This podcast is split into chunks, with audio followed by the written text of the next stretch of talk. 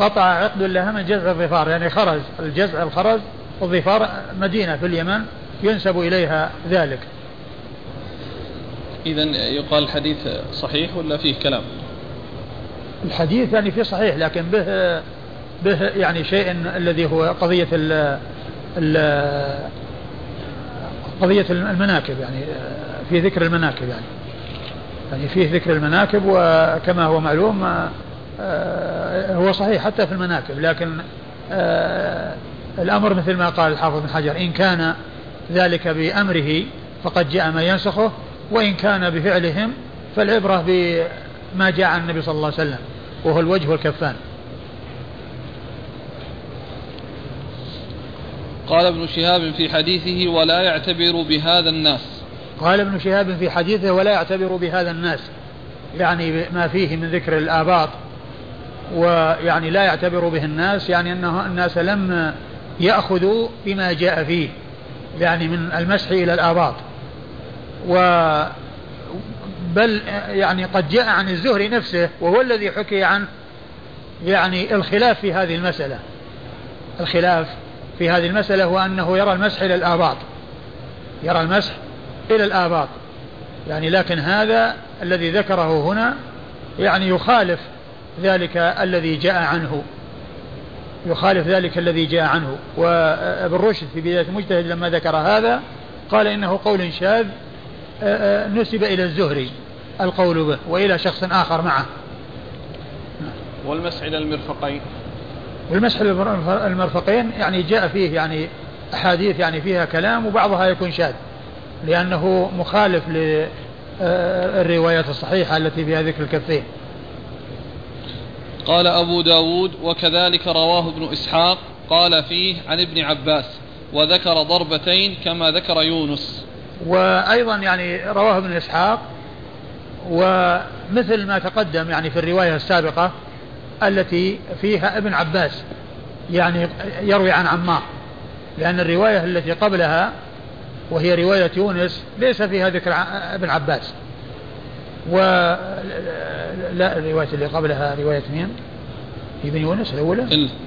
اي نعم عبد الله بن وهب عن يونس عن ابن شهاب نعم الرواية الأولى ليس فيها ذكر ابن عباس والثانية رواية من؟ هذه الأخيرة؟ إيه لا الرواية نعم هذه اللي يروي عن الزهري منه يروي عنها إبراهيم بن سعد إبراهيم بن سعد نعم. صالح بن كيسان صالح بن كيسان يعني ذاك ما ذكر ابن عباس اللي هو يونس بن سعيد يونس بن يزيد. وإبراهيم بن سعد في روايته عن الزهري ذكر ابن عباس. يعني بين عبيد الله بن عبد الله بن عتبة مسعود وبين عمار. ورواه ابن إسحاق يعني عن الزهري مثل ما روى إبراهيم بن سعد. يعني فيه ذكر ابن عباس. أينا. وذكر ضربتين كما ذكر يونس. وذكر ضربتين يعني خالف ما جاء عن يونس. خالف ما جاء عن إبراهيم بن سعد بأن في ضربتين. هناك قال ضربتين ولا ضربة واحدة اللي راح هذا؟ هذا ماذا قال فقام المسلمون مع الرسول صلى الله عليه وسلم فضربوا بأيديهم إلى الأرض. أيوة. ثم رفعوا أيديهم ولم يقبضوا من التراب شيئا فمسحوا بها وجوههم وأيديهم إلى المناكب ومن بطون أيديهم إلى الآباء. ما ذكر ما ذكر الضربتين ذكر ضربة واحدة. وفي هذه الرواية التي هي رواية ابن إسحاق أنه ذكر ضربتين. يعني ضربة للوجه وضربة لليدين.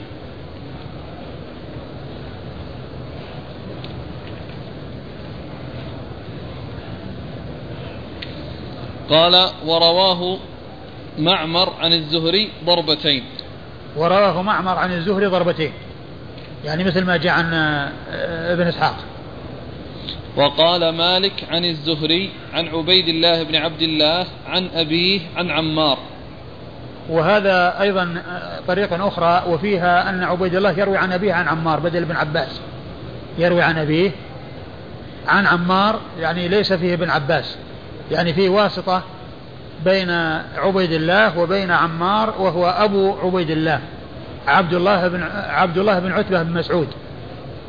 ابن أخي عبد الله بن مسعود. يعني ومعنى هذا أن في بعض الروايات الواسطة بين عبيد الله وبين عمار عبد الله بن عباس وفي بعضها أن الواسطة أبوه أي أبو عبيد الله. وعبيد آه، الله وعبد الله هذا ثقة أخرج حديثه. أصحاب الكتب إلا الترمذي. أخرج حديثه أصحاب الكتب الستة إلا الترمذي. وكذلك قال أبو أويس عن الزهري. وكذلك قال أبو أويس وهو عبد الله بن عبد الله نعم. بن أويس. نعم. عبد الله بن عبد الله بن أويس وهو ثقة أخرج له. صدوق يهم. وهو صدوق يهم أخرج له. مسلم وأصحاب السنن. أخرج له مسلم وأصحاب السنن. قال وشك فيه ابن عيينة. قال مرة عن عبيد الله عن أبيه أو عن عبيد الله عن ابن عباس. وشك فيه ابن عيينة. يعني فقال في بعض الروايات يعني عن عن عبيد الله عن أبيه يعني الواسطة بين عمار وبين عبيد الله أبوه آه، أو عبيد الله عن ابن عباس عن عمار. أي نعم. ومرة قال عن أبيه ومرة قال عن ابن عباس اضطرب ابن عيينة فيه وفي سماعه من الزهري ومرة قال عن أبيه ومرة قال عن ابن عباس. يعني معناه أن مرة شك ومرة قال عن أبيه ومرة قال عن ابن عباس فاضطرب فيه ابن عيينة عن الزهري وفي آه، كذلك آه، رواية عبيد الله. عمن أيوه. قال ولم يذكر أحد منهم في هذا الحديث الضربتين إلا من سميت. قال ولم يذكر أحد منهم الضربتين في هذا الحديث إلا من سميت وهم محمد بن إسحاق و... و... و... و... ويونس. ويونس لا لا يونس من معهم كما ذكر يونس. كما ذكر يونس؟ إيه يونس ذكر في ضربتين. نعم كما ضر... نعم. كما ذكر يونس. ومعمر. محمد بن إسحاق. و... و... ويونس بن يزيد ومعمر بن راشد و... وأبو ويس. وأبو ويس. ما ذكر. أبو ويس أبو ويس ذكر قال وكذلك قال أبو أبو ويس عن الزهري لا لا لا هذاك الواسطة يعني, آه. يعني ثلاثة. نعم. الذين جاء عنهم الضربتان. قال حدثنا محمد وكل من الضربتين والضربة ثابت. يعني إن ضرب واحدة كفت وإن ضرب ضربتين لا بأس. قال حدثنا محمد بن سليمان الأنباري. قال أه، حدث والله تعالى أعلم وصلى الله وسلم وبارك على عبده ورسوله نبينا محمد وعلى آله وأصحابه أجمعين. ونتوقف الآن والأخ عبد الحكيم عنده أسماء يريد أنه يعني نعرف من يكون موجود ومن لم يكن غير موجود.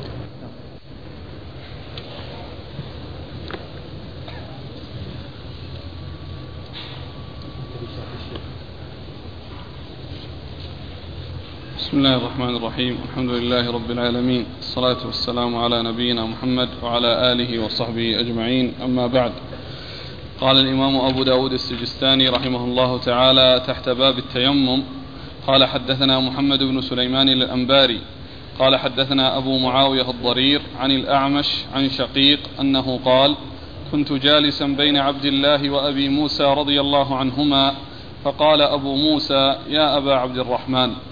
أرأيت لو أن رجلا أجنب فلم يجد الماء شهرا أما كان يتيمم؟ فقال لا وإن لم يجد الماء شهرا. فقال أبو موسى فكيف تصنعون بهذه الآية التي في سورة المائدة؟ فلم تجدوا ماء فتيمموا صعيدا طيبا. فقال عبد الله لو رخص لهم في هذا لأوشكوا إذا برد عليهم الماء أن يتيمموا بالصعيد. فقال له أبو موسى وإنما كرهتم هذا لهذا. قال نعم. فقال له أبو موسى ألم تسمع قول عمار لعمر رضي الله عنهما؟ بعثني رسول الله صلى الله عليه وآله وسلم في حاجة فأجنبت فلم أجد الماء فتمرغت في الصعيد كما تتمرغ الدابة.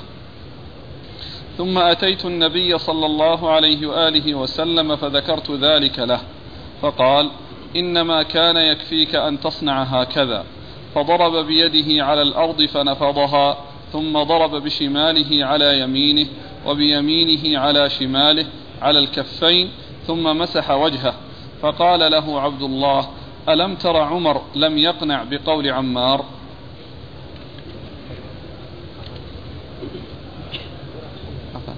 انتهى؟ ها؟ انتهى. نعم. بسم الله الرحمن الرحيم. الحمد لله رب العالمين وصلى الله وسلم وبارك على عبده ورسوله نبينا محمد وعلى آله وأصحابه أجمعين. أما بعد أه سبق أن مر ترجمة باب التيمم وذكر فيه أبو داود رحمه الله أحاديث فيها مشروعية التيمم وأصل مشروعيته ثم ذكر بعض الأحاديث التي فيها بيان كيفيته وأن منها ما يصل إلى الآباط ومنها ما يكون إلى المرافق.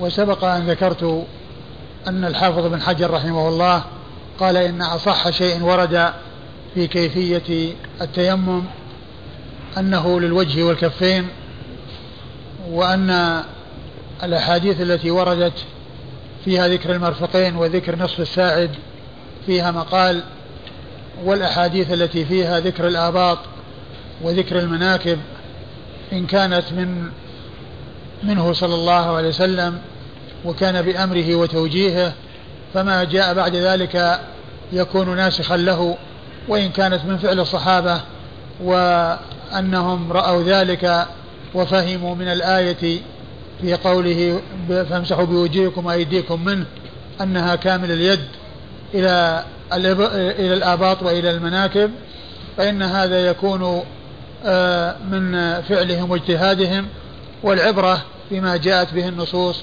عن رسول الله صلى الله عليه وسلم. وأورد أبو داود رحمه الله بعد ذلك حديث آه، أبو موسى الأشعري رضي الله عنه في ما يرويه عن عمار بن ياسر رضي الله تعالى عنه وكذلك ما يعني جاء عن عمر آه، في بيان صفة التيمم وأنه يكون للوجه والكفين وأنه يكون للوجه والكفين. وهذا وهذه الكيفية هي التي وردت يعني في الصحيح. يعني في الصحيحين أو في أحدهما. يعني آه، الوجه والكفان وردت في الصحيحين ولم يرد في الصحيحين سواهما. وذكر الآباط وذكر المناكب وذكر المرافق ونصف ذكر نصف الساعد هذه جاءت في غير الصحيحين. وقد عرفنا ما ذكره الحافظ بن حجر في آه، توجيهها وبيان قيمتها ومنزلتها. ف أبو موسى يقول شقيق بن سلمة أبو وائل الكوفي إنه كان بين أبي موسى وعبد الله بن مسعود يعني جالسا بينهما. وكان من رأي أبي موسى أنه يتيمم للاغتسال من الجنابة يعني للجنابة يعني إذا لم يجد الماء فإنه يتيمم لرفع الحدث الأكبر الذي هو الجنابة. وكان من رأي أبي عبد الرحمن عبد الله بن مسعود رضي الله تعالى عنه أنه لا يتيمم إلا من الحدث الأصغر. لا يتيمم إلا من الحدث الأصغر. ف فجعل أبو موسى وعبد الله بن مسعود يبحثان ويسأل بعضهما بعضا فيما يتعلق بحكم الجنب وأنه هل يتيمم أو لا يتيمم. فقال أبو موسى آه، أرأيت لو أن إنسانا أجنب ولم يجد الماء شهرا هل له أن يتيمم؟ قال لا. يقول عبد الله مسعود لا وإن لم يجد الماء شهرا. قال فما تصنعون في هذه الآية الكريمة؟ وهي آية التيمم ف... ف... ف... وإن كنتم مرضى على سفر وإن كنتم جنوبا فطهروا وإن كنتم فلم تجدوا ماء فتيمموا صعيدا طيبا فامسحوا بوجوهكم وأيديكم منه. فتيمموا صعيدا طيبا فامسحوا بوجوهكم وأيديكم منه. قال لو لو آه، رخص لهم في هذا يعني في التيمم للاغتسال من الجنابة أو لرفع الجنابة بدل الاغتسال من الجنابة لأوشك إذا برد عليهم الماء أن يتيمموا. لأوشك إذا برد عليهم الماء أن يتيمموا. فقال وهل كرهتم لهذا إلا لهذا؟ يعني آه، آه، الذي هو الاغتسال أو التيمم للجنابة لهذا أي الذي هو مخافة أنهم يستسهلون ويتهاونون وأنه إذا برد عليهم الماء أنهم آه، يلجأ الإنسان أو يصير الإنسان إلى التيمم قال نعم. فانتقل من آه، المناظرة أو الاحتجاج بالآية إلى السنة سنة رسول الله صلى الله عليه وسلم. فقال أما تذكر أو ما تعلم أن عمارا قال لعمر بن الخطاب رضي الله عنه أتذكر أن أننا كنا في سفر أو كنت أنا وأنت في الإبل أو في رعاية الإبل؟ فأجنبنا أما أنت فلم تصلي يعني معناه أنه لم يتيمم ولم يصلي على اعتبار أن على ما ذهب إليه من أن أنه لا صلاة إلا بوضوء ولا صلاة إلا برفع الحدث وقد جاء ما يدل على ذلك بالنسبة ل بالنسبة لرفع الحدث الأصغر أما الحدث الأكبر فلم يعني يجد ما يدل عليه. فقال له أما أنت فلم تصلي وأما أنا فتمرغت في الصعيد كما تتمرغ الدابة. يعني أنه اجتهد. ولما كان آآ آه، آآ آه، التيمم يكون لرفع الحدث الأصغر فأراد أن يقيس التيمم لرفع الحدث الأكبر على التيمم لرفع الحدث الأصغر. لكن الحدث الأكبر لما كان لابد فيه من استيعاب البدن في الغسل استوعبه في التمرغ في التراب وفي الصعيد حتى يصل إلى سائر جسده حتى يصل إلى سائر جسده أي الغبار والتراب. وهذا فيه أخذ بالقياس لأن عمار رضي الله عنه قاس الاغتسال قاس التيمم على الاغتسال من الجنابة والاغتسال من الجنابة فيه استيعاب البدن في الغسل فاستوعب البدن بالتيمم باجتهاد منه أخذا بالقياس. قالوا وهذا مما يدل على القياس لأن الصحابة رضي الله عنهم وأرضاهم قبل أن يعرفوا الحكم في ذلك فيما يتعلق بالاغتسال من الجنابة أو في التيمم من الجنابة آه عمار فعل هذا الفعل فعل هذا الفعل اجتهادا منه. فالرسول صلى الله عليه وسلم لما جاءوا إلى النبي صلى الله عليه وسلم وأخبروه أو أخبره عمار قال له إنما يكفيك إنما يكفيك أن تقول بيديك هكذا وضرب بيده الأرض وضرب آه، نفضهما وضرب إحداهما بالأخرى. ومسح إحداهما بالأخرى ثم مسح وجهه. يعني يكفيه كذلك عن هذا العمل الذي هو التمرغ وكون التراب يصل إلى سائر جسده. فلما ذكر له أي أبو موسى ذكر لعبد الله بن مسعود السنة التي جاءت عن عمار قال ألم ترى أن عمر لم يقنع بقول عمار؟ ألم ترى أن عمر لم يقنع بقول عمار؟ وعمر رضي الله عنه لم يقنع بقول عمار ليس لشكه فيه أو لتردده فيه وإنما أضاف الأمر إليه هو وأنه كان هو إياه وأن هذا وأنهما أجنب جميعا وأن عمر رضي الله عنه صلى لم يصلي لأنه ما وجد الماء وأما هذا فتمرغ كما تمرغ الدابة. ثم رجع إلى الرسول صلى الله عليه وسلم وأخبره. فإنه كان يحكي شيئا جرى لهما جميعا وعمر ما كان يتذكره. ما يتذكر هذا الذي جرى لهما جميعا. لم يتذكر. فلهذا كما جاء في بعض الروايات التي ستأتي نولي كما توليت. يعني أنت الذي نكلك إلى علمك وإلى ما عندك وأنك تعمل وتفتي يعني بهذا. وكون وكونه أضاف الأمر إلى أمر مشترك بينهما وكان عمر رضي الله عنه لا يذكر هذا الذي حصل منه فمن أجل ذلك حصل التوقف. وهذا هو معنى قول لم يقنع بقول عمار لأنه ذكر شيئا يعني يتعلق به هو ومع ذلك ما كان يذكره. ومع ذلك ما كان يذكره. ما كان أمرا يخص عمار حتى يحدث به عن رسول الله صلى الله عليه وسلم وإنما كان يتعلق بشيء مشترك بينهما. وعمر رضي الله عنه ما كان يذكر هذا. عند هذا انتهت المحاورة بين أبي موسى وبين آه عبد الله بن مسعود رضي الله تعالى عنهما. والحديث دال على أن رفع الحدث الأكبر يتم بالتيمم كما يتم رفع الحدث الأصغر بالتيمم وأن طريقة التيمم واحدة. بالنسبة لرفع الحدث الأكبر ولرفع الحدث الأصغر ولا فرق بينهما. ومن المعلوم أن كل منهما أي ما يكون به رفع الحدث الأكبر أو الأصغر يخالف تماما الطهارة بالماء. لأن الطهارة بالماء مكونة من غسل الوجه ومن اليدين إلى المرفقين ومن آه، مسح الرأس ومن غسل الرجلين.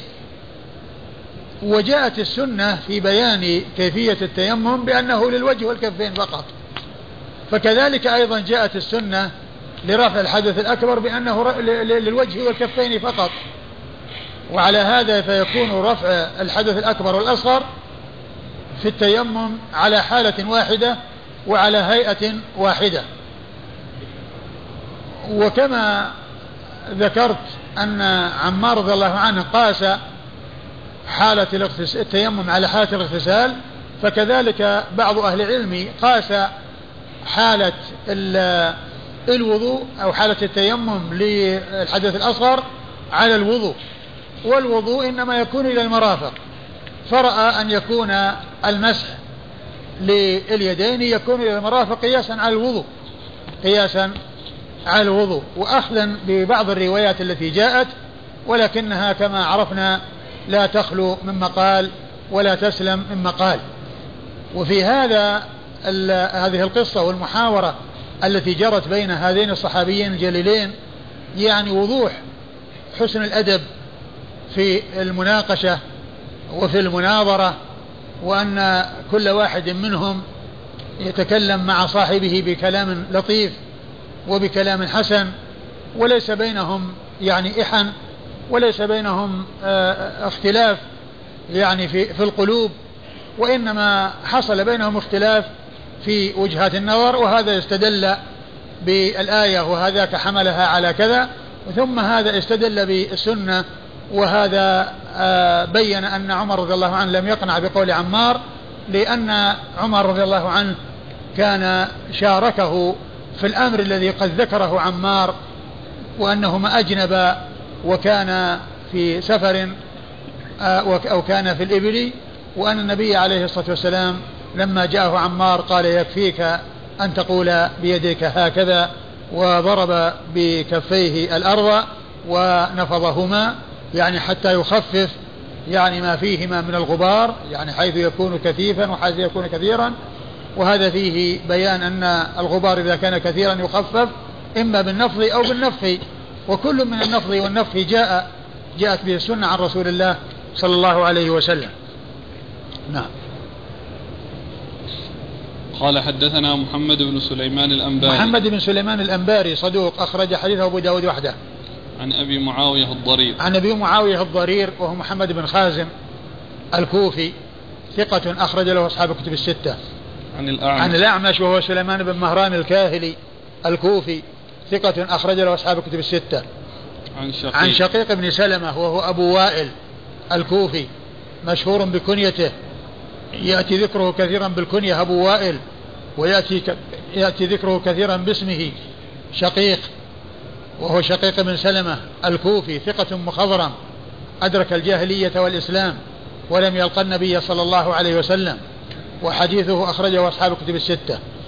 عن أبي موسى. عن أبي موسى عبد الله بن قيس الأشعري صاحب رسول الله صلى الله عليه وسلم وهو مشهور بكنية أبو موسى واسمه عبد الله بن قيس وحديثه عند أصحاب الكتب الستة. عن عمار عن عمار بن ياسر رضي الله تعالى عنه وهو آه وحديثه أخرجه أصحاب الكتب الستة. قال فضرب بيده على الأرض فنفضها ثم ضرب بشماله على يمينه وبيمينه على شماله على الكفين.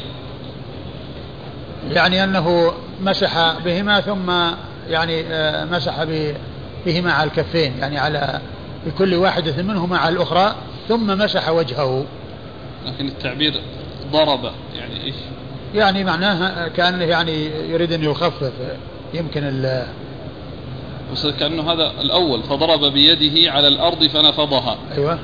ثم ضرب بشماله على يمينه. يعني بشماله على يمينه. وبيمينه على شماله على الكفين. إذا يمكن على المقصود به على الظهور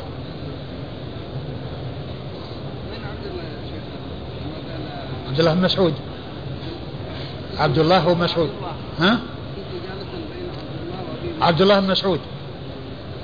هو أبو عبد الرحمن قال يا أبا عبد الرحمن. نعم. تعبير في الحديث. فما فكيف تصنعون بهذه الآية التي في سورة المائدة؟ يعني كيف تجيبون عنها؟ كيف تجيبون عنها وهي تشمل يعني آه، آه، هذا وهذا؟ فقال إنه لو كان الأمر كما قلت لأوشك أن يكون الواحد منهم إذا وجد بردا أن يتيمم نعم إيش؟ هذه شهادة صحيح إذا وجد الماء كان بارد وإذا وجد ماء سخنه يتيمم؟ لا بس هو آه يعني هو هو صحيح إذا كان إنه يعني سيحصل يعني به مضرة ويحصل به مشقة لكنه يعني حيث يمكن التسخين وحيث يعني يكون الماء يعني بارد برودة تطاق يعني لا يعني لا يصار إلى لا يصار إلى البدل لكن الكلام فيما إذا حصل أمر يلحق به مضرة. هذا هو الذي يمنع هو الذي يسوق ويجوز. السؤال بارك الله فيك. أنه قال سورة المائدة فلم تجدوا ماء. هكذا الآية في المائدة. نعم. كيف؟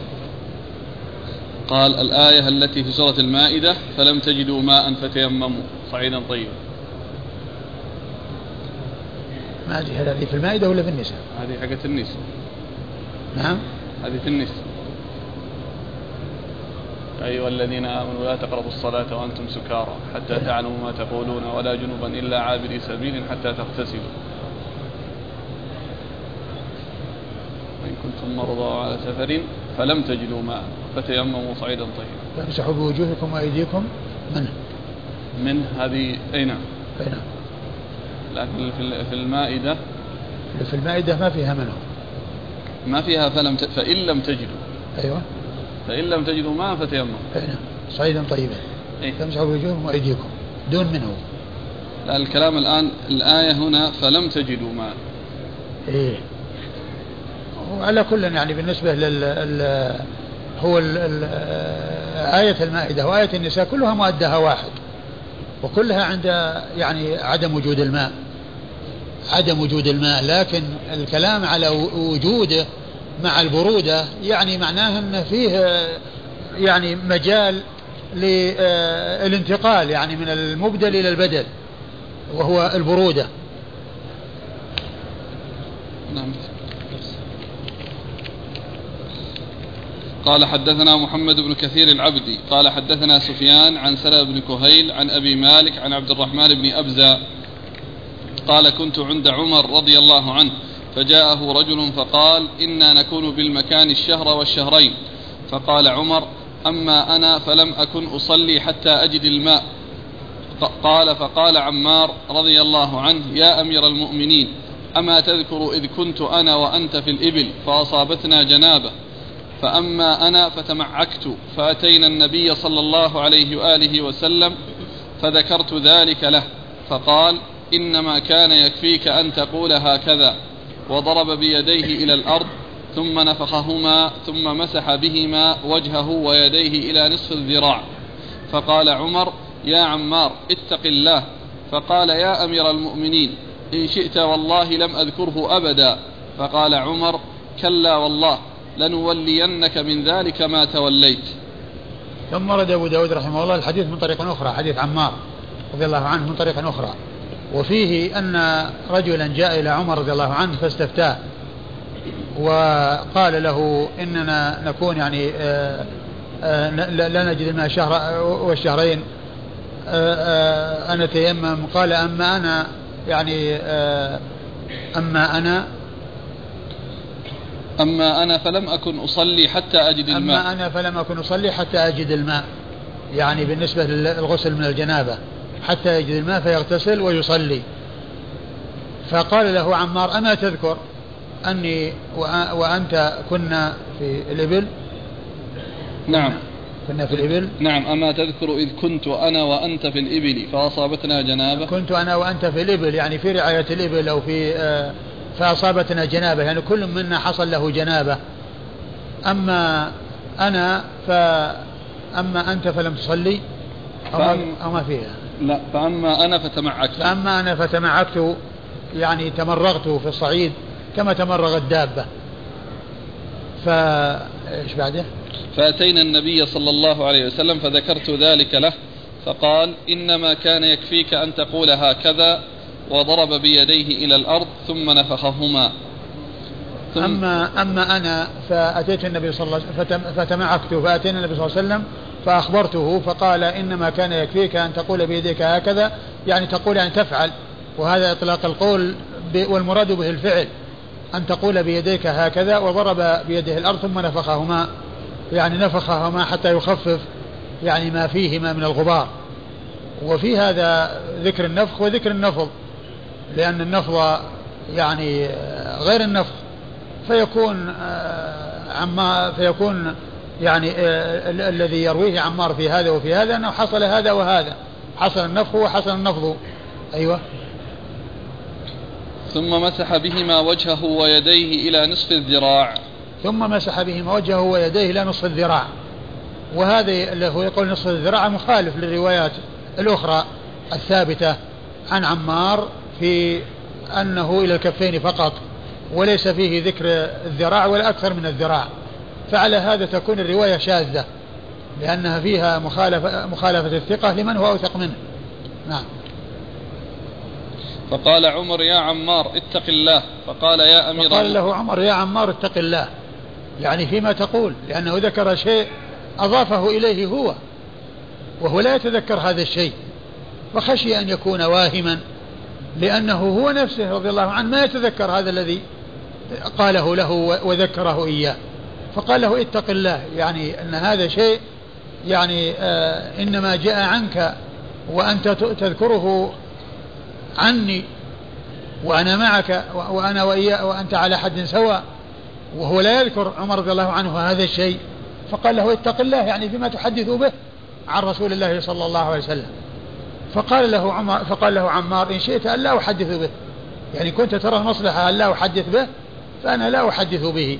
لأنني حصل مني إبلاغ السنة عن رسول الله صلى الله عليه وسلم التي كنت علمتها فبذلك أديت ما علي وإن كنت ترى المصلحة أنني أمسك يعني بعد ذلك أمسكت. وقد حصل منه التحديث والإخبار فأدى ما عليه وبلغ ما عنده عن رسول الله صلى الله عليه وسلم. فإذا كان يرى المصلحة في أنه لا يحدث فإنه يمسك. قال كلا يعني لا ما ما لا أقول لك أمسك ولكن نولك من ذلك ما توليت. يعني نكل نكل نكلك إلى ما, ما عندك من العلم وأنت المسؤول عن هذا وأنت الذي تتحمل تبعة هذا. إن كنت يعني آآ آه، آآ آه، يعني متحققا أو أو كنت غير متحقق. المهم أن عمر رضي الله عنه كان عنده شك بسبب أنه أضاف الأمر إلى أمر يخصه هو معه ومع ذلك لا يذكره عمر فخشي أن يكون في ذلك شيء من الوهم. ولما قال له إن شئت أن أمسك عن التحديث بذلك قال كلا يعني لا لا أريد منك هذا ولكن نولك ما توليت. يعني نكل نكل نكلك إلى ما عندك وأنت المسؤول وأنت الذي آه، تتحمل يعني تبعت ذلك فأنت تبلغ ما عندك. نعم. قال حدثنا محمد بن كثير العبدي. محمد بن كثير العبدي ثقة أخرج له أصحاب كتب الستة. عن سفيان. عن سفيان هو الثوري سفيان بن سعيد بن مسروق الثوري. ثقة فقيه. وصف بأنه أمير المؤمنين في الحديث وحديثه أخرجه أصحاب الكتب الستة. عن سنة بن كهيل. وفي رواية محمد بن كثير عن سفيان مع أن سفيان متقدم يعني كانت وفاة سنة 61 و100 وذلك أن محمد بن كثير عمر فأدرك من كان متقدما حديث أخرجه أصحاب الكتب الستة. عن سفيان عن إيش؟ عن سلمة بن كهيل. عن سلمة بن كهيل ثقة أخرجه أصحاب الكتب الستة. عن أبي مالك. عن أبي مالك وهو غزوان الغفاري وهو آه، صحابي صغير؟ لا ثقة هذا. وهو ثقة. ثقة أخرج له؟ البخاري تعليقا وأبو البخاري تعليقا. وأبو داود والترمذي والنسائي. البخاري تعليقا وأبو داود والترمذي والنسائي. الصحابي الصغير عبد الرحمن بن أبزة. أيوه. عن عبد الرحمن بن عن عبد الرحمن بن أبزة وهو صحابي صغير.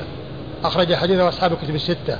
وعبد الرحمن بن أبزة هذا هو الذي كان جاء ذكره أو جاءت الإشارة إليه في حديث عمر الذي في صحيح مسلم أن عمر كان له أمير على مكة فلقيه ذلك الأمير فسأله عمر قال من وليت على أهل مكة؟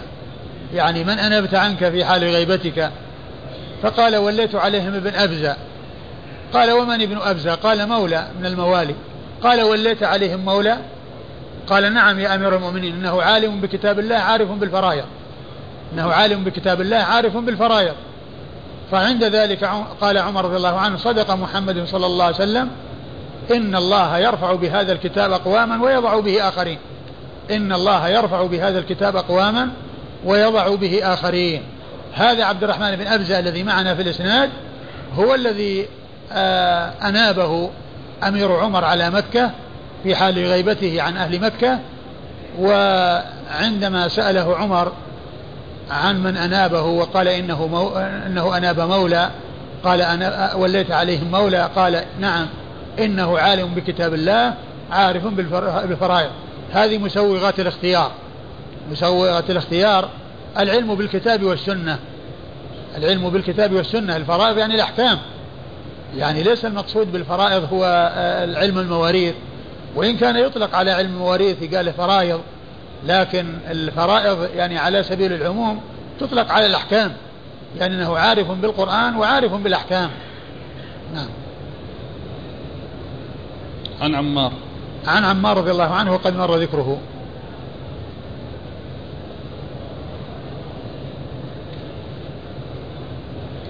قال حدثنا محمد بن العلا قال حدثنا حفص قال حدثنا الأعمش عن سلام بن كهيل عن ابن أبزة عن عمار بن ياسر رضي الله عنهما في هذا الحديث فقال يا عمار إنما كان يكفيك هكذا. ثم ضرب بيديه الأرض ثم ضرب إحداهما على الأخرى ثم مسح وجهه والذراعين إلى نصف الساعدين ولم يبلغ المرفقين ضربة واحدة. ثم ورد حديث عمار من طريق أخرى وهو مثل الذي قبله. وفيه ذكر يعني ما مر في الرواية السابقة أنه نصف الساعد وقد عرفنا أن هذا مخالف للروايات الأخرى المحفوظة عن عمار في تلك القصة أنه الوجه والكفين فقط فتكون هذه الرواية شاذة ورواية الوجه والكفين هي المحفوظة. قال حدثنا محمد بن العلاء. محمد بن العلاء بن كريب. محمد بن العلاء بن كريب أبو كريب. كنيته أبو كريب وجده كريب. وهو ثقة أخرج له أصحاب كتب الستة. عن حفص. عن حفص بن غياث وهو ثقة أخرجه أصحاب كتب الستة. عن الأعمش عن سلمة بن كهيل. عن الأعمش عن سلمة بن كهيل مر ذكرهما. عن ابن أبزة عبد الرحمن بن أبزة. عن عمار بن ياسر. عن عمار بن ياسر وقد مر ذكرهم أيضا. قال أبو داود هنا قال ولم يبلغ المرفقين ضربة واحدة. نعم ضربة واحدة. وهو الذي ورد ضربة واحدة عن عمار. نعم. قال أبو داود ورواه وكيع عن الأعمش عن سلام بن كهيل عن عبد الرحمن بن أبزة. ورواه جرير عن الأعمش عن سلام بن كهيل عن سعيد بن عبد الرحمن بن أبزة يعني عن أبيه. لا وكذلك إيش؟ وكذلك رواه. قال أبو داود ورواه وكيع عن الأعمش عن سلام بن كهيل عن عبد الرحمن بن أبزة. يعني مثل ما تقدم.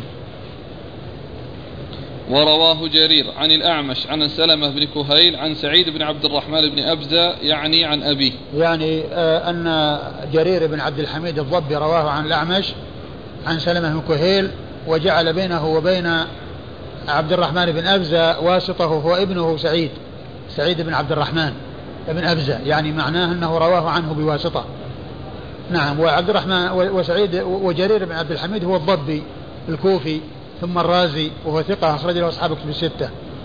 وسعيد بن عبد الرحمن بن أبزة ثقة أخرج له أصحاب كتب الستة أيضا.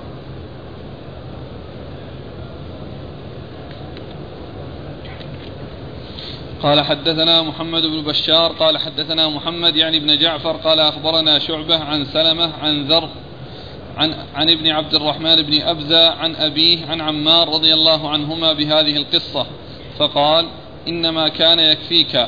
وضرب النبي صلى الله عليه وآله وسلم بيده إلى الأرض ثم نفخ فيهما ومسح بها وجهه وكفيه. شك سلمة وقال لا أدري فيه. إلى المرفقين يعني أو إلى الكفين. ثم أورد أبو داود الحديث من طريق أخرى. وفيه يعني ما في الذي قبله من جهة أنه آه قال يكفيك أن, أن تعمل هكذا ومسح وجهه وكفيه.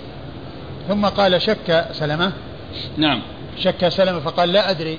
قال إلى الكفين أو؟ قال فيه إلى المرفقين أو إلى الكفين. قال لا أدري. قال إلى المرفقين أو إلى الكفين. آه الشك آه هذا هو الغير المحفوظ. والمحفوظ هو إلى إلى الكفين. والمحفوظ هو إلى الكفين. فالشك هو مثل ذلك الجزم بأنه إلى إلى نصف إلى نصف الساعد. كل ذلك غير محفوظ. نعم. قال حدثنا محمد بن بشار. محمد بن بشار البصري الملقب بن دار وهو ثقة أخرج له أصحاب الكتب الستة بل هو شيخ لأصحاب الكتب الستة.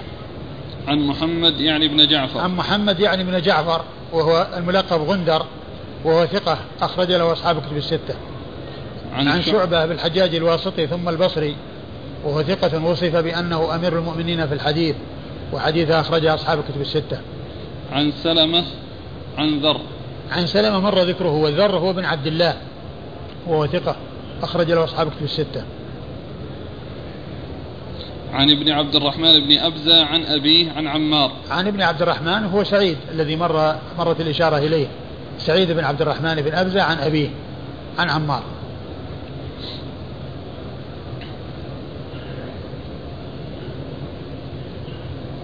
قال حدثنا علي بن سهل الرملي قال حدثنا حجاج يعني الأعور قال حدثني شعبة بإسناده بهذا الحديث. قال ثم نفخ فيها ومسح بها وجهه وكفيه إلى المرفقين أو إلى الذراعين. قال شعبة كان سلمة يقول الكفين والوجه والذراعين. فقال له منصور ذات يوم انظر ما تقول فإنه لا يذكر الذراع فإنه لا يذكر الذراعين غيرك. ثم ورد الحديث من طريق أخرى وفيه ذكر الذراعين وفيه ذكر الذراعين وذكر المرفقين وهذه غير محفوظة كما عرفنا لأن الذي جاء عن عمار المحفوظ والذي جاء عن الكثيرين من الكثير من الثقات أنه الوجه والكفان. فذكر المرفقين وذكر نصف الساعد يعني غير محفوظ. نعم. قال حدثنا علي بن سهل الرملي. علي بن سهل الرملي هو صدوق. نعم. صدوق أخرج له أبو داود والنسائي في في في عمل يوم الليلة. في نسخة بالأشبال عمل يوم والليل. نعم لكن النسخة الثانية؟ على كل أنا سبق أني قلت إذا وجد الاختلاف في الرموز أو الاشتباه في الرموز فالفصل في ذلك بالرجوع إلى إلى إلى إلى تهذيب الكمال للمزي لأنه ينص عليهم بالحروف. فيعني ينص على الكتب وعلى أصحاب الكتب بذكر بذكرها.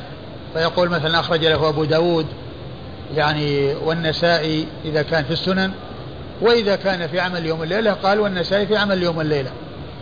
فالفصل في هذا هل هو آه، النسائي في السنن أو النسائي في عمل اليوم والليلة؟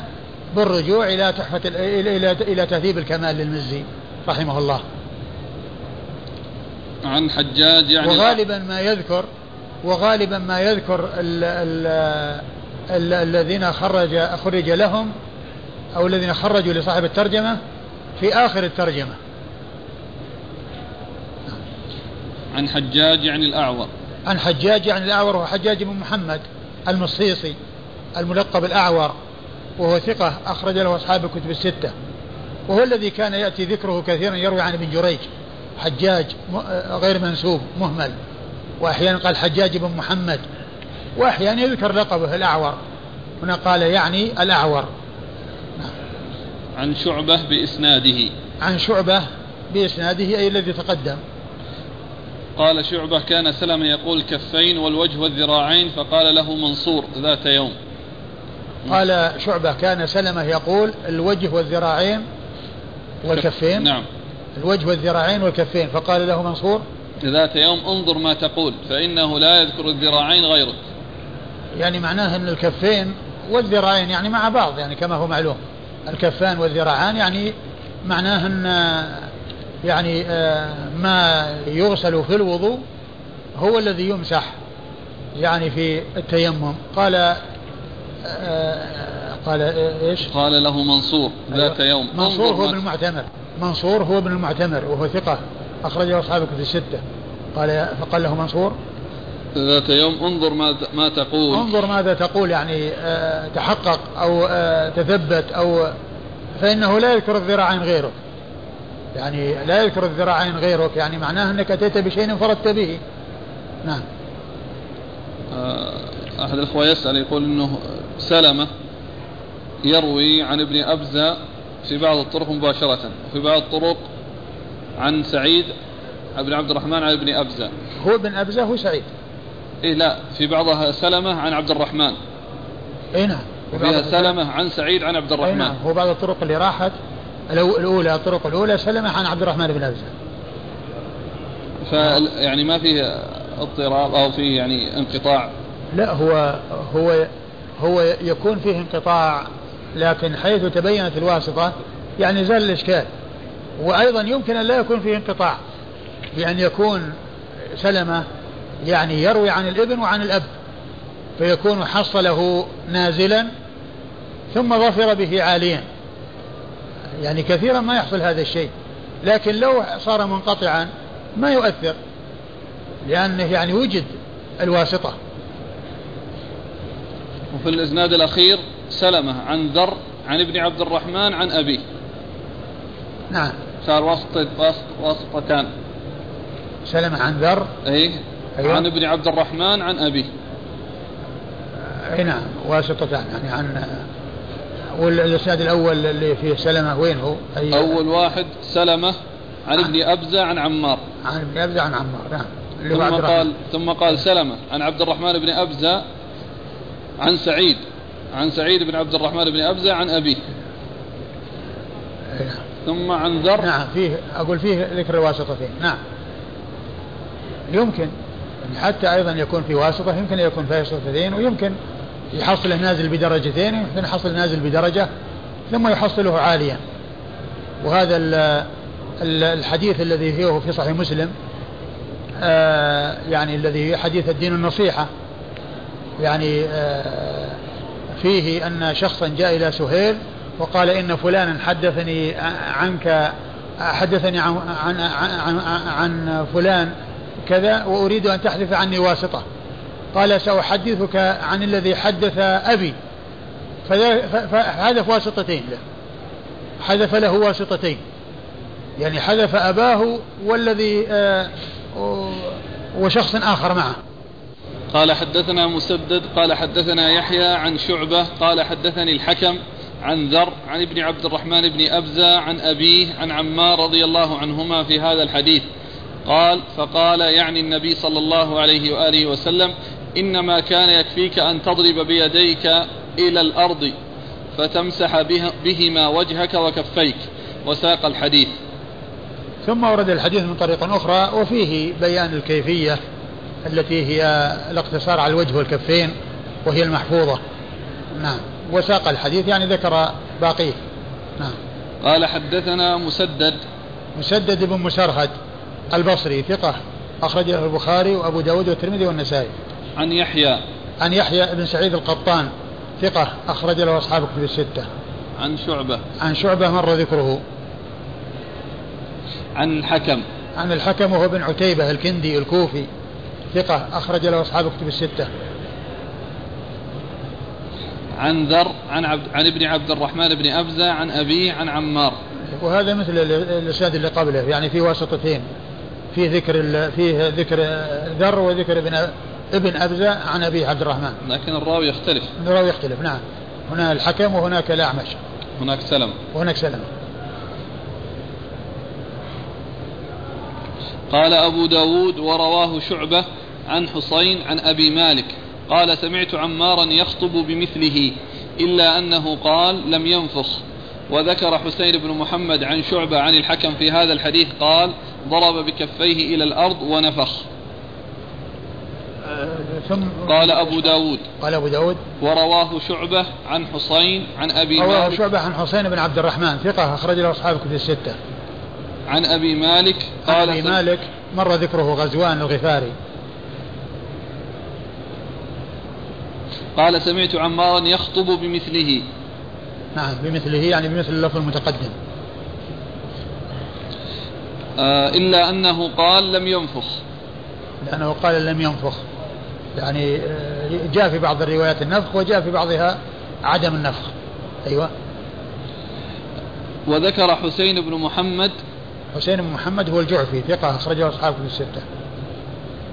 عن شعبة. عن عن الحكم في هذا الحديث قال ضرب بكفيه إلى الأرض ونفخ. نعم. ونفخ؟ إيه؟ أي نعم. يعني آه، يعني ما يقابل الذي مر بأنه لم ينفخ ويتفق مع الروايات الأخرى التي فيها ذكر النفخ. والنفخ هو للتخفيف يعني حيث يكون الغبار كثيرا بحيث يعني إذا وضع الإنسان على وجهه يغطيه ويكون يعني شكله يعني آه يعني آه قد كساه الغبار فإنه يخفف ذلك بالنفض وبالنفخ.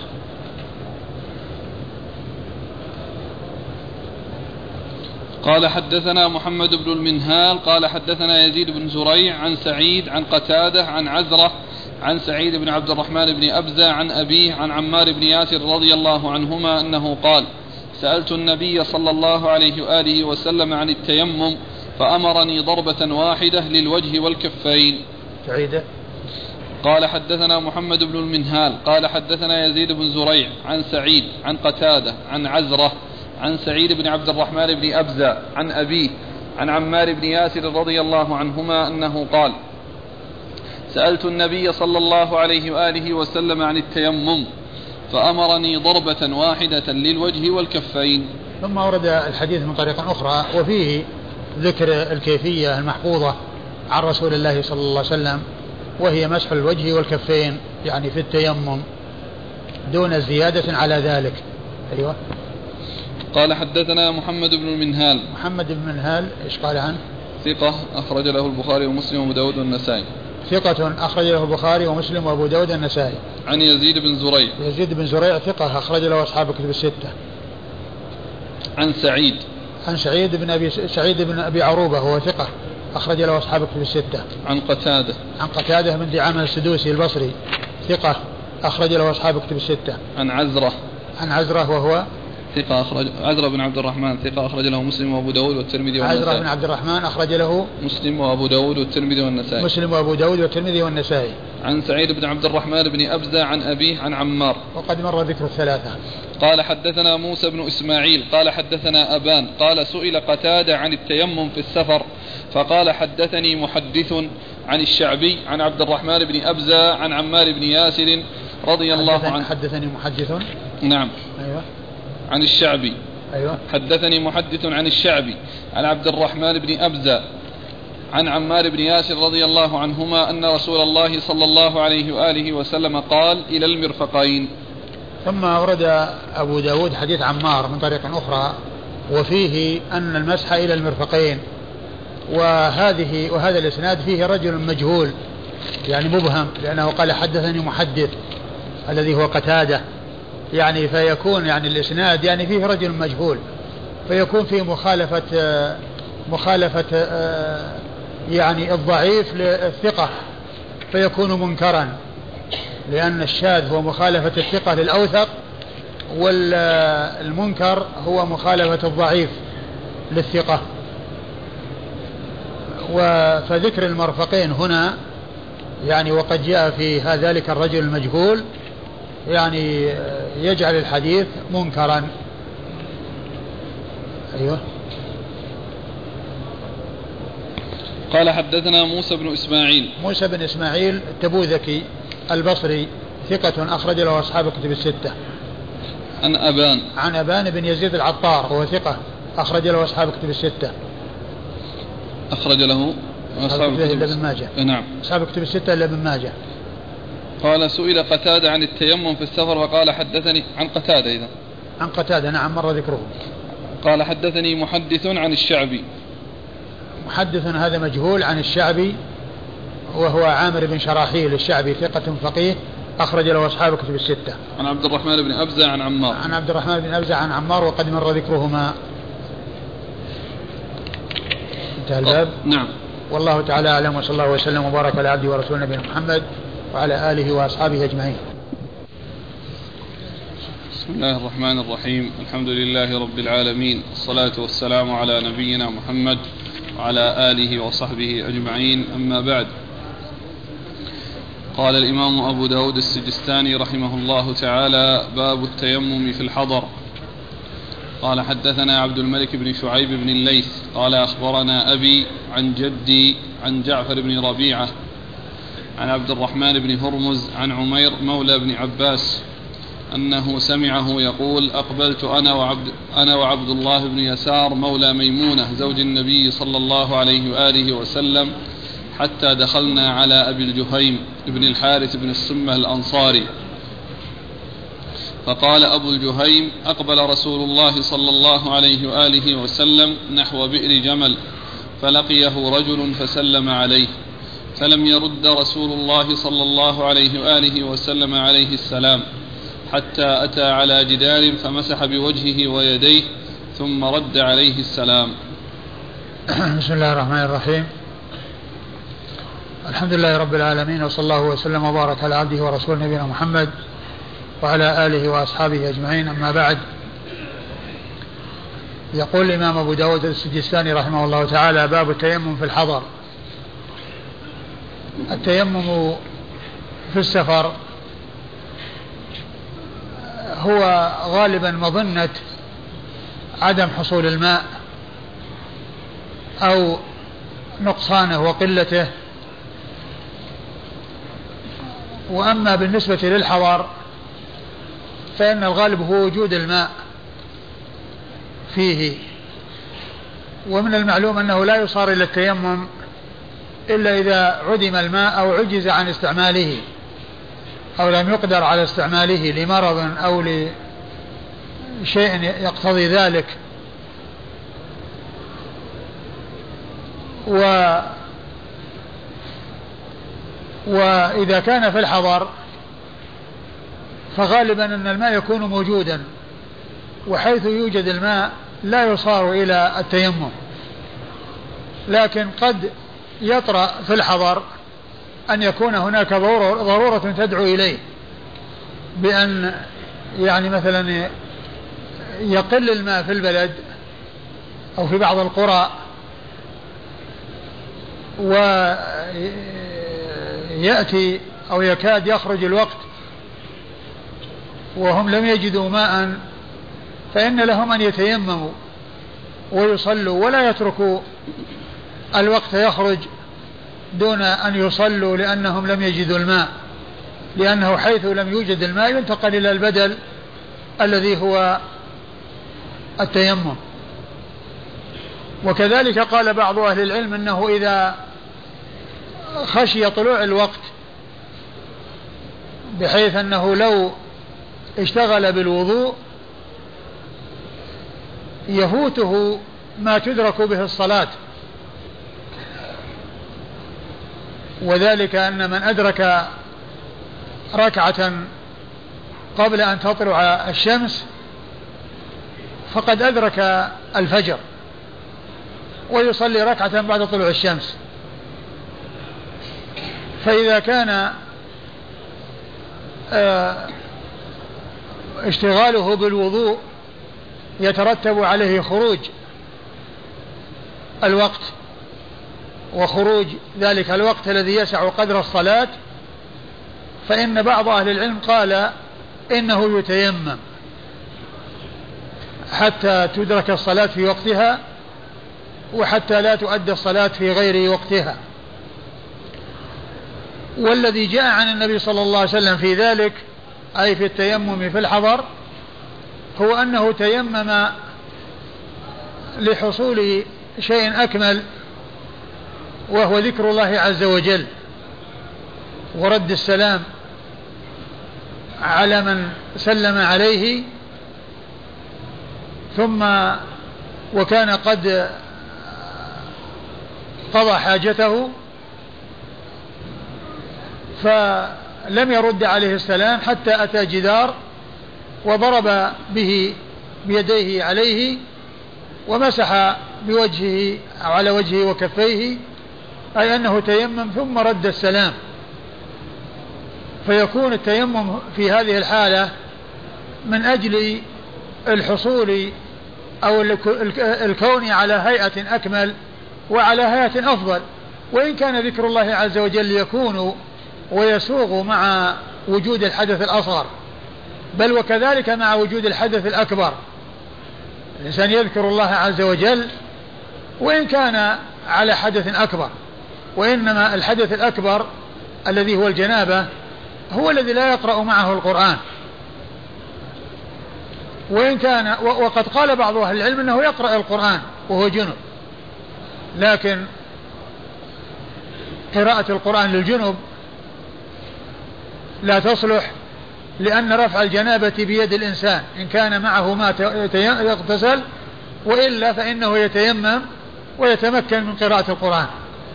ويتمكن من قراءة القرآن. وعلى هذا فإن ذكر الله عز وجل للجنب وللمحدث عدثا أصغر من باب أولى له أن يذكر الله عز وجل. له أن يذكر الله عز وجل. ولكن الهيئة الأكمل والأفضل أنه يكون على طهارة ولو عن طريق التيمم. أورد أبو داود رحمه الله حديث أبي الجهيم ابن الحارث بن الصمة رضي الله تعالى عنه. أن النبي صلى الله عليه وسلم أقبل من نحو أو من بئر جمل وهو مكان معروف في المدينة معروف عندهم في المدينة ف وكان قد قضى حاجته فسلم عليه رجل فلم يرد عليه السلام حتى أتى حائط وضرب عليه وتيمم ورد عليه السلام. فيكون فعله هذا ليكون على هيئة أكمل وعلى هيئة أفضل التي هي حالة الطهارة. التي هي حالة الطهارة. بكونه تيمم. هذا هو الذي أورده أبو داود رحمه الله تحت هذه الترجمة.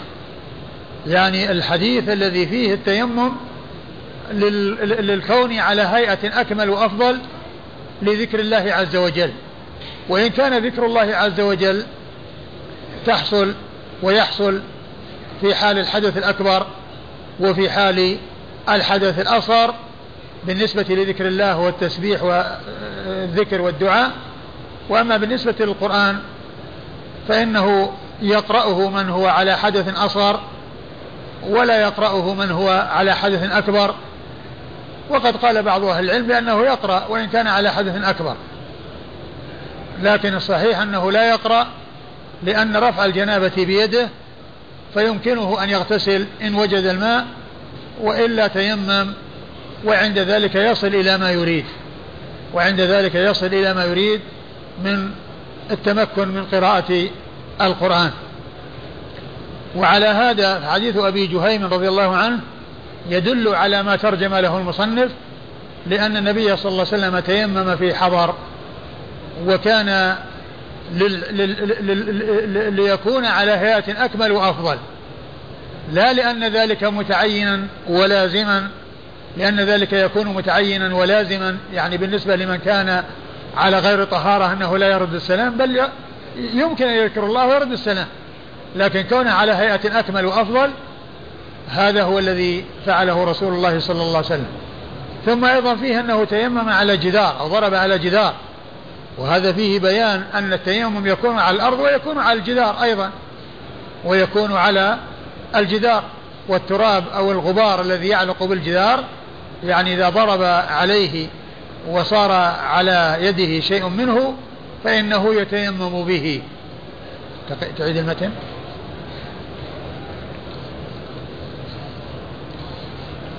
عن عمير مولى بن عباس أنه سمعه يقول أقبلت أنا وعبد الله بن يسار مولى ميمونة زوج النبي صلى الله عليه وآله وسلم حتى دخلنا على أبي الجهيم بن الحارث بن الصمة الأنصاري رضي الله عنه.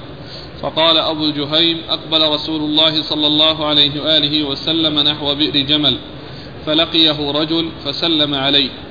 فلم يرد رسول الله صلى الله عليه وآله وسلم عليه السلام.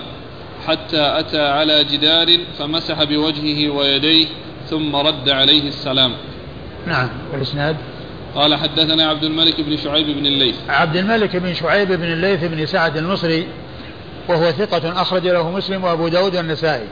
عن أبيه عن أبيه شعيب بن الليث وهو أيضا ثقة أخرج له مسلم وأبو داود والنسائي. عن, عن جده الليث بن سعد المصري وهو ثقة فقيه أخرج له أصحاب كتب الستة. عن جعفر بن الربيع عن جعفر بن الربيع المصري وهو ثقة أخرج له أصحاب كتب الستة. عبد الرحمن بن هرمز. عن عبد الرحمن بن هرمز وهو الأعرج. عبد الرحمن بن هرمز لقبه الأعرج وهو ثقة أخرج له أصحاب كتب الستة. عن عمير مولى بن عباس. عن عمير مولى بن عباس وهو عمير, وهو عمير بن عبد الله. مولى بن عباس وهو ثقة أخرج له البخاري ومسلم وأبو داود والنسائي. أخرج له البخاري ومسلم وأبو داود والنسائي. عن أبي الجهيم. عن أبي الجهيم ابن الحارث بن الصمة صحابي أخرج له. أصحاب الكتب. أخرج له أصحاب الكتب الستة. قال حدثنا أحمد بن إبراهيم الموصلي أبو علي. قال أخبرنا محمد بن ثابت العبدي. قال أخبرنا نافع. قال انطلقت مع ابن عمر رضي الله عنهما في حاجة إلى ابن عباس رضي الله عنهما فقضى ابن عمر حاجته فكان من حديثه يومئذ أن قال مر رجل على رسول الله صلى الله عليه وآله وسلم في سكة من السكك وقد خرج من غائط أو بول فسلم عليه فلم يرد عليه حتى إذا كاد الرجل أن يتوارى في السكة ضرب بيديه على الحائط ومسح بهما وجهه ثم ضرب ضربة أخرى فمسح ذراعيه ثم رد على الرجل السلام وقال إنه لم يمنعني أن أرد عليك السلام إلا أني لم أكن على طهر. ثم ورد أبو داود رحمه الله حديث ابن عمر رضي الله تعالى عنهما وهو مثل الذي قبله في أن الرسول صلى الله عليه وسلم مر عليه رجل وسلم عليه ولم يرد عليه السلام حتى كاد أن يتوارى يعني من من الطريق الذي كان لقيه فيه ف فجاء على إلى حائط وضرب عليه يعني بيديه ضربتين وتيمم ثم رد عليه السلام ومسح إلى الذراعين يعني مسح يعني يديه إلى الذراعين. وهذا الحديث يعني فيه أو يختلف عن الذي قبله الحديث الذي قبله فيه إجمال لأنه قال وجهه ويديه. قال ويديه؟ فمسح ذراعيه. لا الأول اللي قبله الأول؟ جهيم. قال يديه ولا فمسح كفيه. بوجهه ويديه. نعم وجهه ويديه. هذا مجمل لأنه اليد تطلق على من أطراف الأصابع إلى الإبط. هذا كله قال له يد. هذا هو حد اليد الكاملة يعني من أطراف الأصابع إلى الآباط. والمناكب. وقد سبق أن بعض الصحابة رضي الله عنهم تيمموا إلى المناكب والآباط. وعرفنا أن وذلك صحيح. وعرفنا أنه كما قال الحافظ بن حجر إن كان ذلك بأمر النبي صلى الله عليه وسلم فقد جاء بعده ما ينسخه وهو الاقتصار على الكفين. وإن كان من فعلهم فالعبرة بما جاء عن رسول الله صلى الله عليه وسلم والذي ثبت عنه هو ما جاء في حديث عمار من طرق متعددة في الصحيحين وفي غيرهما أنه مسح كفيه ووجهه ولم يصل إلى الذراعين ولا نصف الذراع ولا إلى المناكب وفي هذا الحديث الذي معنا فيه أنه آه، مسح إلى الذراعين. والحديث ضعيف لأن فيه وقال قال عنه أبو داود إنه منكر. وأن فيه محمد بن ثابت العبدي وحديث وأن حديثه منكر كما قال كما قاله أظن الإمام أحمد. نعم. قاله الإمام أحمد بن حنبل ونقله عنه أبو داود أن حديثه في التيمم منكر لأن فيه ذكر الذراعين والمسح الذراعين. وأما قضية التيمم وعلى الجدار فهو ثابت في الحديث المتقدم وحديث أبي جهيم بن الحارث بن الصمة نعم. أعيد المتن. قال نافع انطلقت مع ابن عمر رضي الله عنهما في حاجة إلى ابن عباس رضي الله عنهما فقضى ابن عمر حاجته.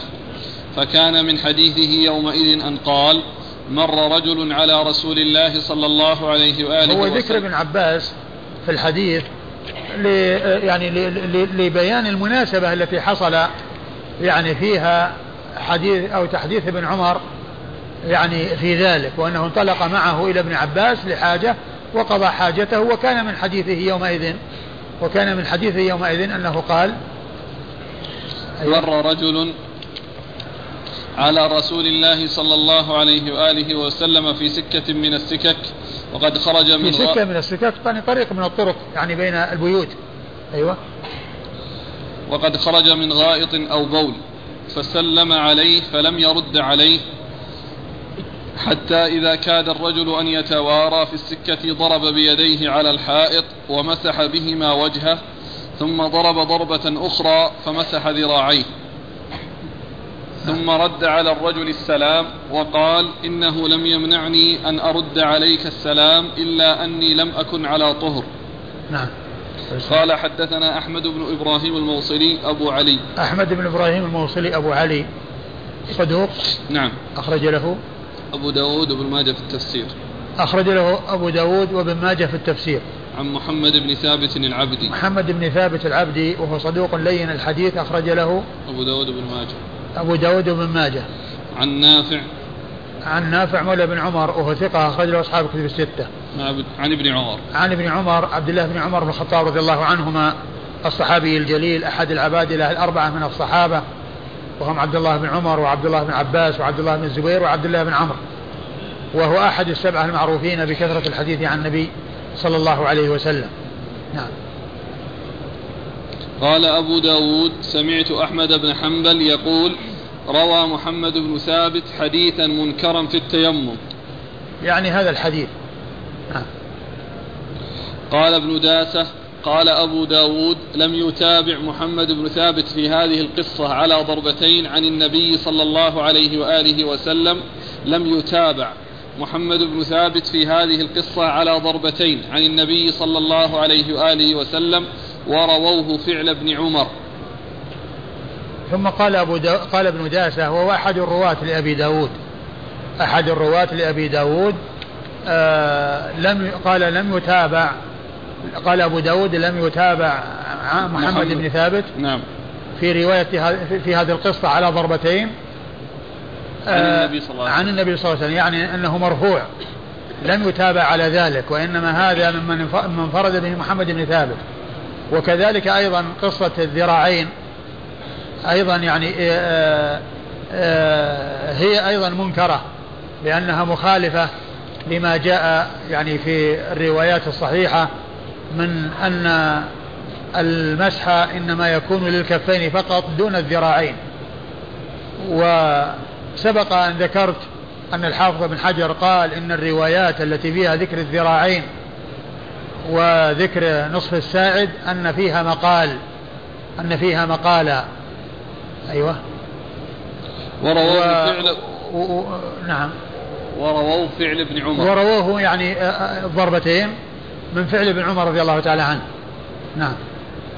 ولكن الضربتان سبق أن مر بعض الأحاديث الصحيحة فيها يعني في قصة ال قصة ال الحديث الأول الذي هو أول ما جاء في كتاب التيمم الحديث الثاني والثالث الذي فيه أنهم تمسحوا وضربوا ضربة فمسحوا الوجوه وضربة مسحوا فيها الأيدي من الآباط إلى الآباط وإلى المناكب. نعم.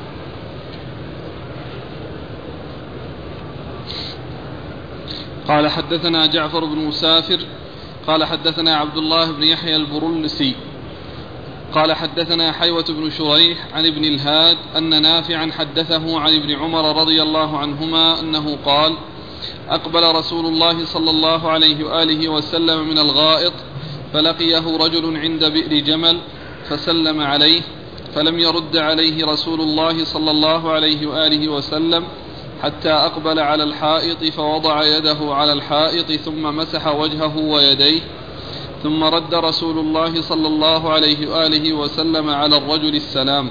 ثم ورد حديث ابن عمر رضي الله عنه عنهما من طريق أخرى وهو مطابق لحديث أبي جهيم الذي تقدم والذي فيه يعني أنه جاء من من بئر جمل أو عند بئر جمل وأن الرجل يعني سلم عليه وأنه لم يرد عليه السلام حتى ضرب بيديه الحائط ومسح بيديه ووجهه وأجمل اليدين هنا فلم يذكر يعني الحد الذي كان عليه المسح وإنما قال بمسح بوجهه ويديه.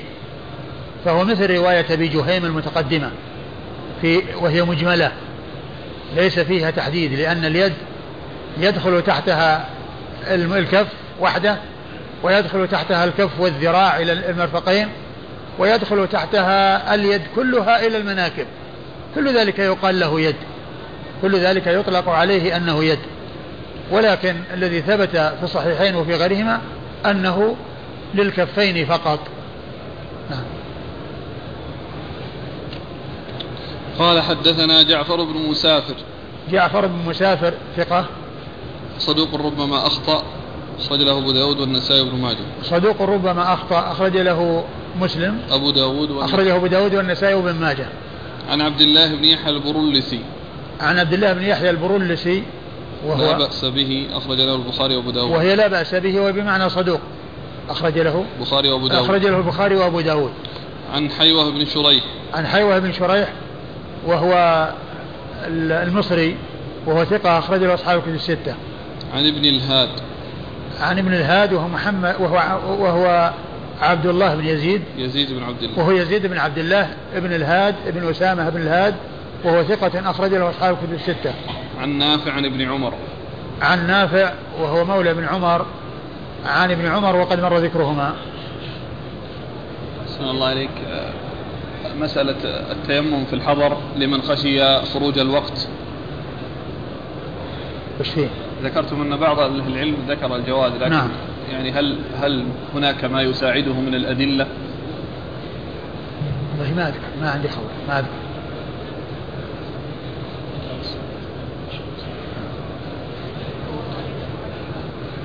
نعم. اي نعم. ضرب يده على الحائط. لا هو المقصود باليدين هو جد واحد. قال رحمه الله تعالى باب الجنب يتيمم. قال حدثنا عمرو بن عون قال أخبرنا خالد الواسطي عن خالد الحذاء عن أبي قلابة حاء.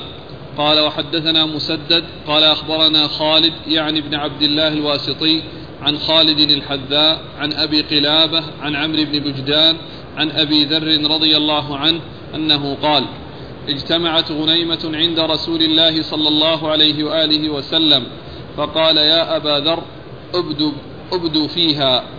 فبدوت إلى الربذة فكانت تصيبني الجنابة فأمكث الخمس والستة فأتيت النبي صلى الله عليه وآله وسلم فقال أبو ذر فسكت فقال ثكلتك أمك يا أب ثكلتك أمك أبا ذر لأمك الويل فدعا لي بجارية بجارية سوداء فجاءت بعس فيه ماء فسترتني بثوب واستتر واستترت بالراحلة واستترت واستترت بالراحلة واغتسلت فكأني ألقيت عني جبلا. فقال الصعيد الطيب وضوء المسلم ولو إلى عشر سنين فإذا وجدت الماء فأمسه جلدك فإن ذلك خير. وقال مسدد غنيمة من الصدقة. قال أبو داود وحديث عمرو أتم. ثم ورد أبو داود رحمه الله باب الجنب باب الجنب يتيمم. والمقصود أن الجنب يتيمم وأنه يرفع الحدث الأكبر بالتيمم كما يرفع الحدث الأصغر بالتيمم. وقد سبق أن مر يعني قريبا الأحاديث المتعلقة ب يعني آه، بقصة عمار وعمر رضي الله تعالى عنهما وأنه لما أجنب وتمرغ في الصعيد كما تتمرغ الدابة ثم جاء إلى النبي صلى الله عليه وسلم وأخبره وقال إنما كان يكفيك أن تقول بيدك هكذا. فإن حديث عمار التي جاءت من طرق متعددة وقد مرت في الدرس الماضي كلها تدل على أن الجنوب يتيمم وأن الحدث وأن التيمم يقوم مقام آه، مقام الماء في رفع الحدث الأكبر والأصغر. وأن التيمم يكون لرفع الجنابة ويكون للطهارة من الحيض ويكون لرفع الحدث الأصغر حيث لا يوجد الماء حيث لا يوجد الماء.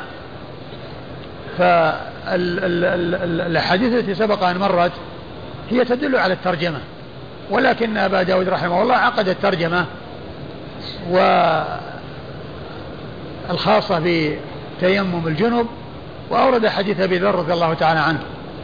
أنه جاء إلى النبي صلى الله عليه وسلم وجاءت النبي صلى الله عليه وسلم غنيمة وهي تصير غنم فقال له اذهب بها.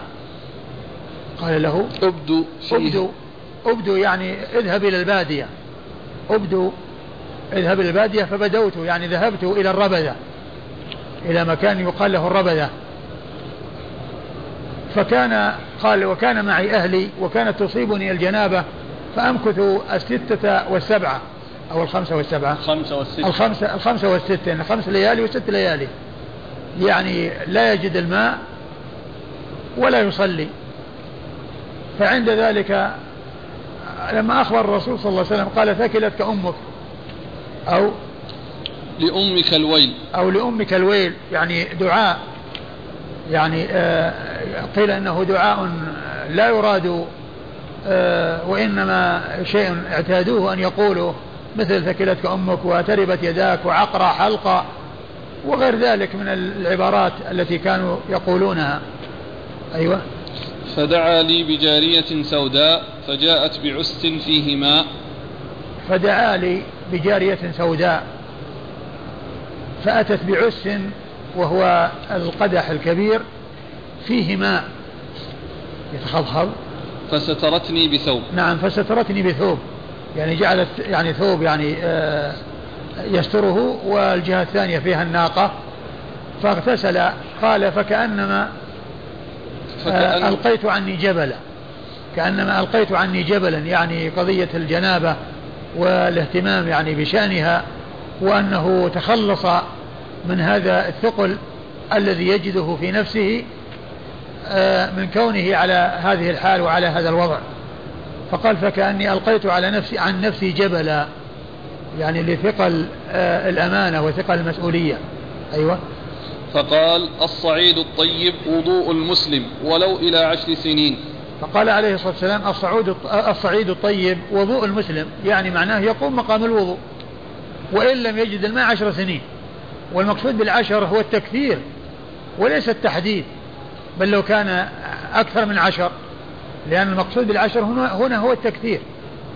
يعني ولو لم يجد الماء عشر سنين أي آه، يعني للتكثير لا للتحديد. وأنه يعني إذا تعدى عشر سنين يختلف الحكم لا. وإنما المقصود هو يعني بيان آه، الكثرة وبيان يعني آه، أنه يقوم مقام الماء وأنه يحل محله. وفيه دليل على أن الإنسان إذا تيمم قوله الصعيد الطيب طهور المسلم وإن لم يجد الماء عشر سنين أن أن التيمم يقوم مقام الوضوء ويكون رافعا للحدث وأن الإنسان يمكنه أن يصلي بالتيمم يعني عدة صلوات ما, ما دام أنه لم يحصل منه حدث بعد ذلك لأنه إذا وجد من التيمم فقد وجد منه يعني آه، الشيء الذي حل محل الماء. وبعض أهل العلم يقول أنه يتيمم لكل صلاة. نعم. فإذا وجدت الماء فأمسه جلدك فإن ذلك خير. فإذا وجدت الماء يعني بعد ذلك فأمسه جلدك.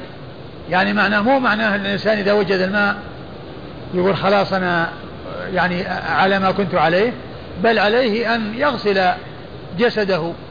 لأنه مضى عليه وقت وعليه يعني آه، وفيه ما فيه وما اعتراه. وعلى هذا فيتعين على الإنسان إذا وجد الماء حيث فقده مدة طويلة وعليه جنابة أن يغتسل. ولو كان قد تيمم في تلك المدة الطويلة التي سبقت حصول الماء ووجود الماء. نعم. قال مسدد غنيمة من الصدقة. قال مسدد غنيمة من الصدقة يعني أخ أحد الشيخين لأبي داود.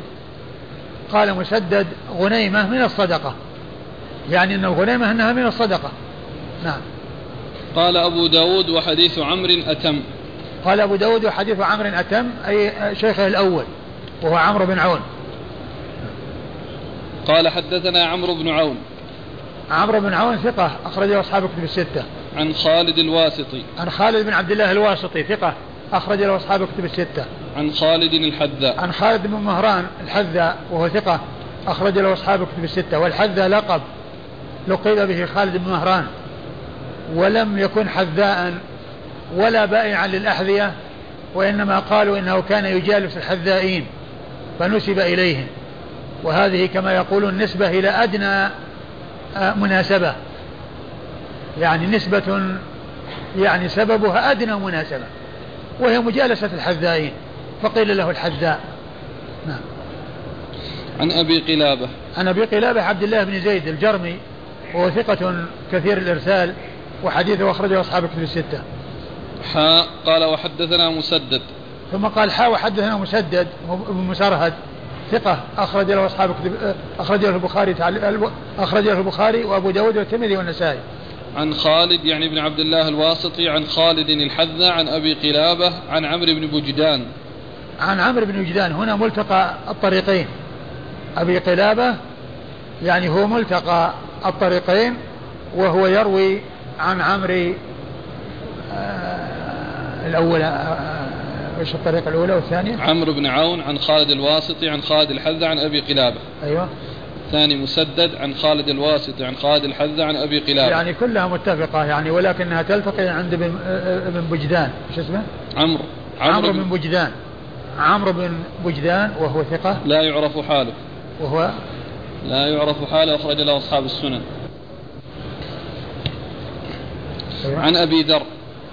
عن أبي ذر وهو جندب بن جنادة رضي الله عنه صاحب رسول الله.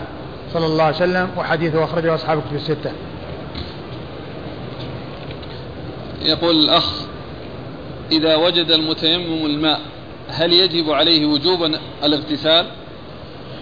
نعم يعني الذي كان الذي كان يتيمم للجنابة ثم وجد الماء يجب عليه أن يغتسل.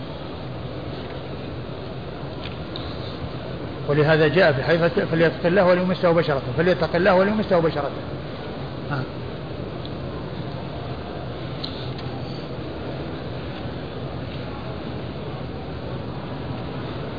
هل تنتقض طهارة التيمم بوجود الماء ولو كان الإنسان في صلاته؟ سيأتي الباب في هذا. قال حدثنا موسى بن إسماعيل قال أخبرنا حماد عن أيوب عن أبي قلابة عن رجل من بني عامر قال دخلت في الإسلام فأهمني ديني فأتيت أو ديني. ديني. فأتيت أبا ذر رضي الله عنه فقلت أبو ذر فقال أبو ذر إني اجتويت المدينة فأمر لي رسول الله صلى الله عليه وآله وسلم بذود وبغنم فقال لي اشرب من ألبانها. قال حماد وأشك في أبوالها. هذا قول حماد. فقال أبو ذر فكنت أعزب عن الماء ومعي أهلي فتصيبني الجنابة فأصلي بغير طهور. فأتيت رسول الله صلى الله عليه وآله وسلم بنصف النهار وهو في رهط من أصحابه وهو في ظل المسجد. فقال أبو ذر فقلت نعم. هلكت يا رسول الله. قال وما أهلكك؟ قلت إني كنت أعزب عن الماء ومعي أهلي فتصيبني الجنابة فأصلي بغير طهور. فأمر لي رسول الله صلى الله عليه وآله وسلم بماء فجاءت به جارية سوداء بعس يتخضخض ما هو, ما هو بملآن. فتسترت إلى بعيري فاغتسلت ثم جئت. فقال رسول الله صلى الله عليه وآله وسلم يا أبا ذر إن الصعيد الطيب طهور وإن لم تجد الماء إلا إلى عشر سنين فإذا وجدت الماء فأمسه جلدك. قال أبو داود رواه حماد بن زيد عن أيوب لم يذكر أبوالها. قال أبو داود هذا ليس بصحيح وليس في أبوالها إلا حديث أنس تفرد به أهل البصرة. رواه أبو داود رواه أيوب إيش؟ يعني آه، الأخير. قال أبو داود رواه حماد عن ابن زيد عن أيوب. نعم. لم يذكر أبوالها. نعم. ثم أورد أبو داود رحمه الله حديث أبي ذر من طريق أخرى. وفيه وهو مثل الذي قبله. يعني أنه آه، الرسول أرسله بغنم وقال له إنه يشرب من ألبانها وشك حماد بن سلمة في أبوالها. هل قال أبوالها أو ما قالها؟ و وأما ألبانها فهي ليس فيها شك. وهو مثل الذي قبله أنه جاء وأخبره وقال أنني هلكت وما أهلكت؟ قال كنت أعزب يعني آه، أعزب أعزب عن الماء أعزب عن الماء يعني يبتعد عن الماء يعزب عن الماء يبتعد عن الماء الأيام الأيام الخمسة والستة ولا لا ما ذكره هنا الأيام. أيوة. أعزب عن الماء ومعي, ومعي أهلي, أهلي فتصيبه الجنابة فلا فأصلي بغير فأصلي, فأصلي بغير طهور. فالرسول صلى الله عليه وسلم قال له آه الصعيد الطيب؟ فيها كلام.